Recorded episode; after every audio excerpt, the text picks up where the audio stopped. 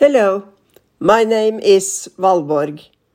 I'm living in Norway and I'm a storyteller, artist, and I want to begin start a new podcast. I'm going to visit female artists in their studio. Many artists are rather invisible. Their male colleagues get a lot more attention.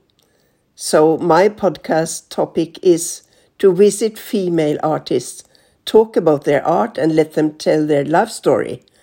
Artists are often very sensitive people with another perspective of life and the world. So let us hear what they have to tell us and what they can learn us.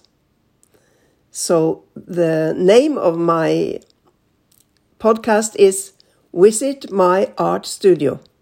I hope you will enjoy my first episode. See you later.